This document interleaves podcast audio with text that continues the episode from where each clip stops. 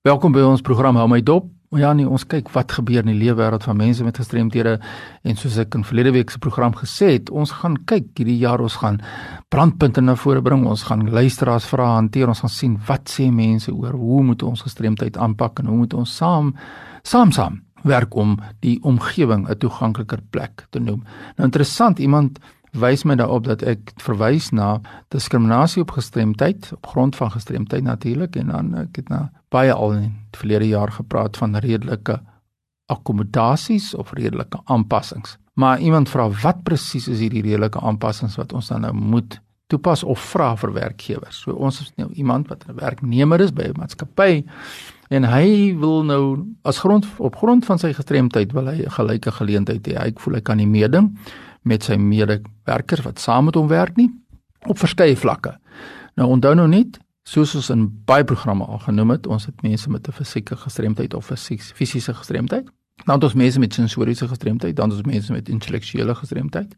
Dan het ons mense met neurologiese gestremthede en dan het ons mense met 'n sosiale gestremthede. So jy sien as vyf verskillende vorme van gestremdheid. So wat ons graag vir werkgewers vra asseblief vergewis jou van die inligting oor die, die tipe gestremdheid wat dan nou in jou afdeling of in jou werkplek dan ter sprake is as iemand dan daar is met 'n neurologiese gestremdheid sonder maar wat is neurologiese gestremdheid? Dit sou 'n voorbeeld wees iemand met epilepsie maar daar's natuurlik ook ander neurologiese gestremthede daar's so dinge soos Parkinson se siekte. Parkinson se siekte toestand is nie 'n gestremdheid nie maar baie belangrik maar 'n siekte toestand kan lei tot gestremdheid. Wanneer iemand so aangeraak word dat hy nie op 'n gelyke basis kan meeding nie en dan het die persoon redelike akkommodasie nodig. Ek het sensoriese verlies, doofheid, totale doofheid, so ek het redelike aanpassings wat ek vir my werkgewer kan vra. Nou wat baie belangrik is, my mense nie uit die oog uit moet verloor nie. Dit gaan oor redelike aanpassings. So redelikheid is die kernwoord, die beginsel waarop die hele saak dan gebaseer is redelik teenoor die werknemer of redelik teenoor die persoon in 'n huis vir bejaardes of redelik teenoor die kind in 'n klas met 'n gestremdheid of tussen die student wat in 'n universiteit dan studeer. Alles gaan oor redelikheid teenoor die student, maar te gelykheid gaan dit ook redelikheid teenoor die werkgewer, die owerheid waar die persoon betrokke is, sodat dit is nie 'n verpligte tipe van ding. En sy sê ons forceer dit af nie. Ons praat oor redelikheid. Wat elke mens wat redelik is sou vra en wat elke redelike mens wat redelik is, bereid sou wees om dan te gee.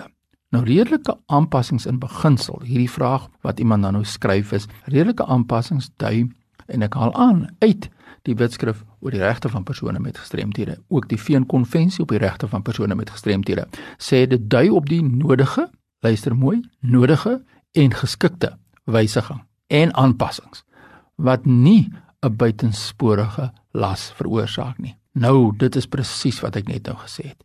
Jy kan nie onredelike versoeke rig tot jou werkgewer en dan gaan iemand wat daaroor besluit net sê jammer, dit was 'n onredelike versoek.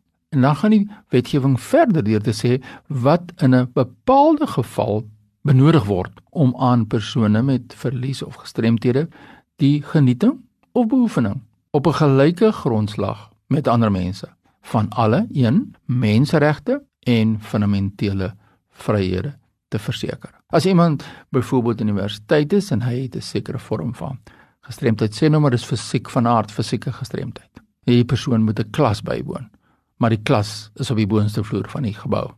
En daar's trappe, maar daar's nie huisbak nie. Hierdie persoon kan nie verplaas word, hy kan nie opgedra word in die seltrappe nie.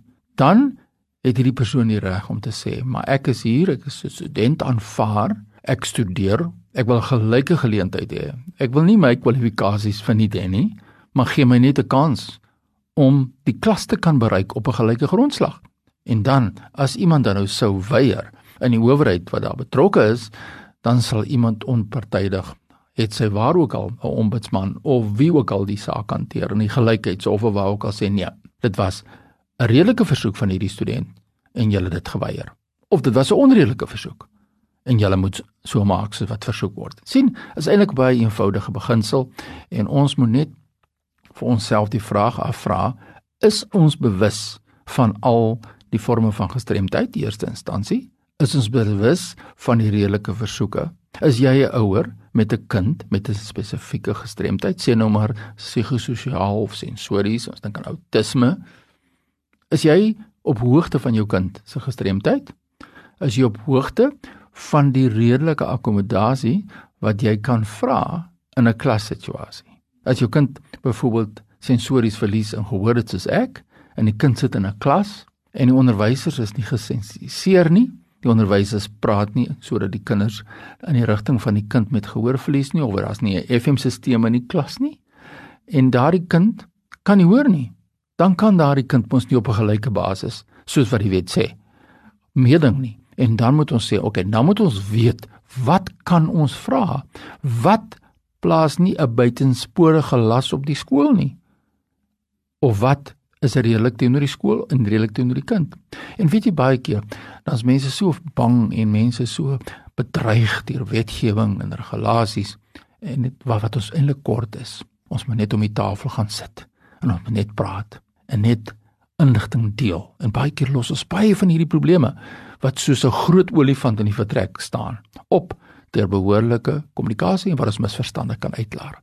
Is jy iemand wat worstel met redelike akkommodasie in die werkplek of waar ook al.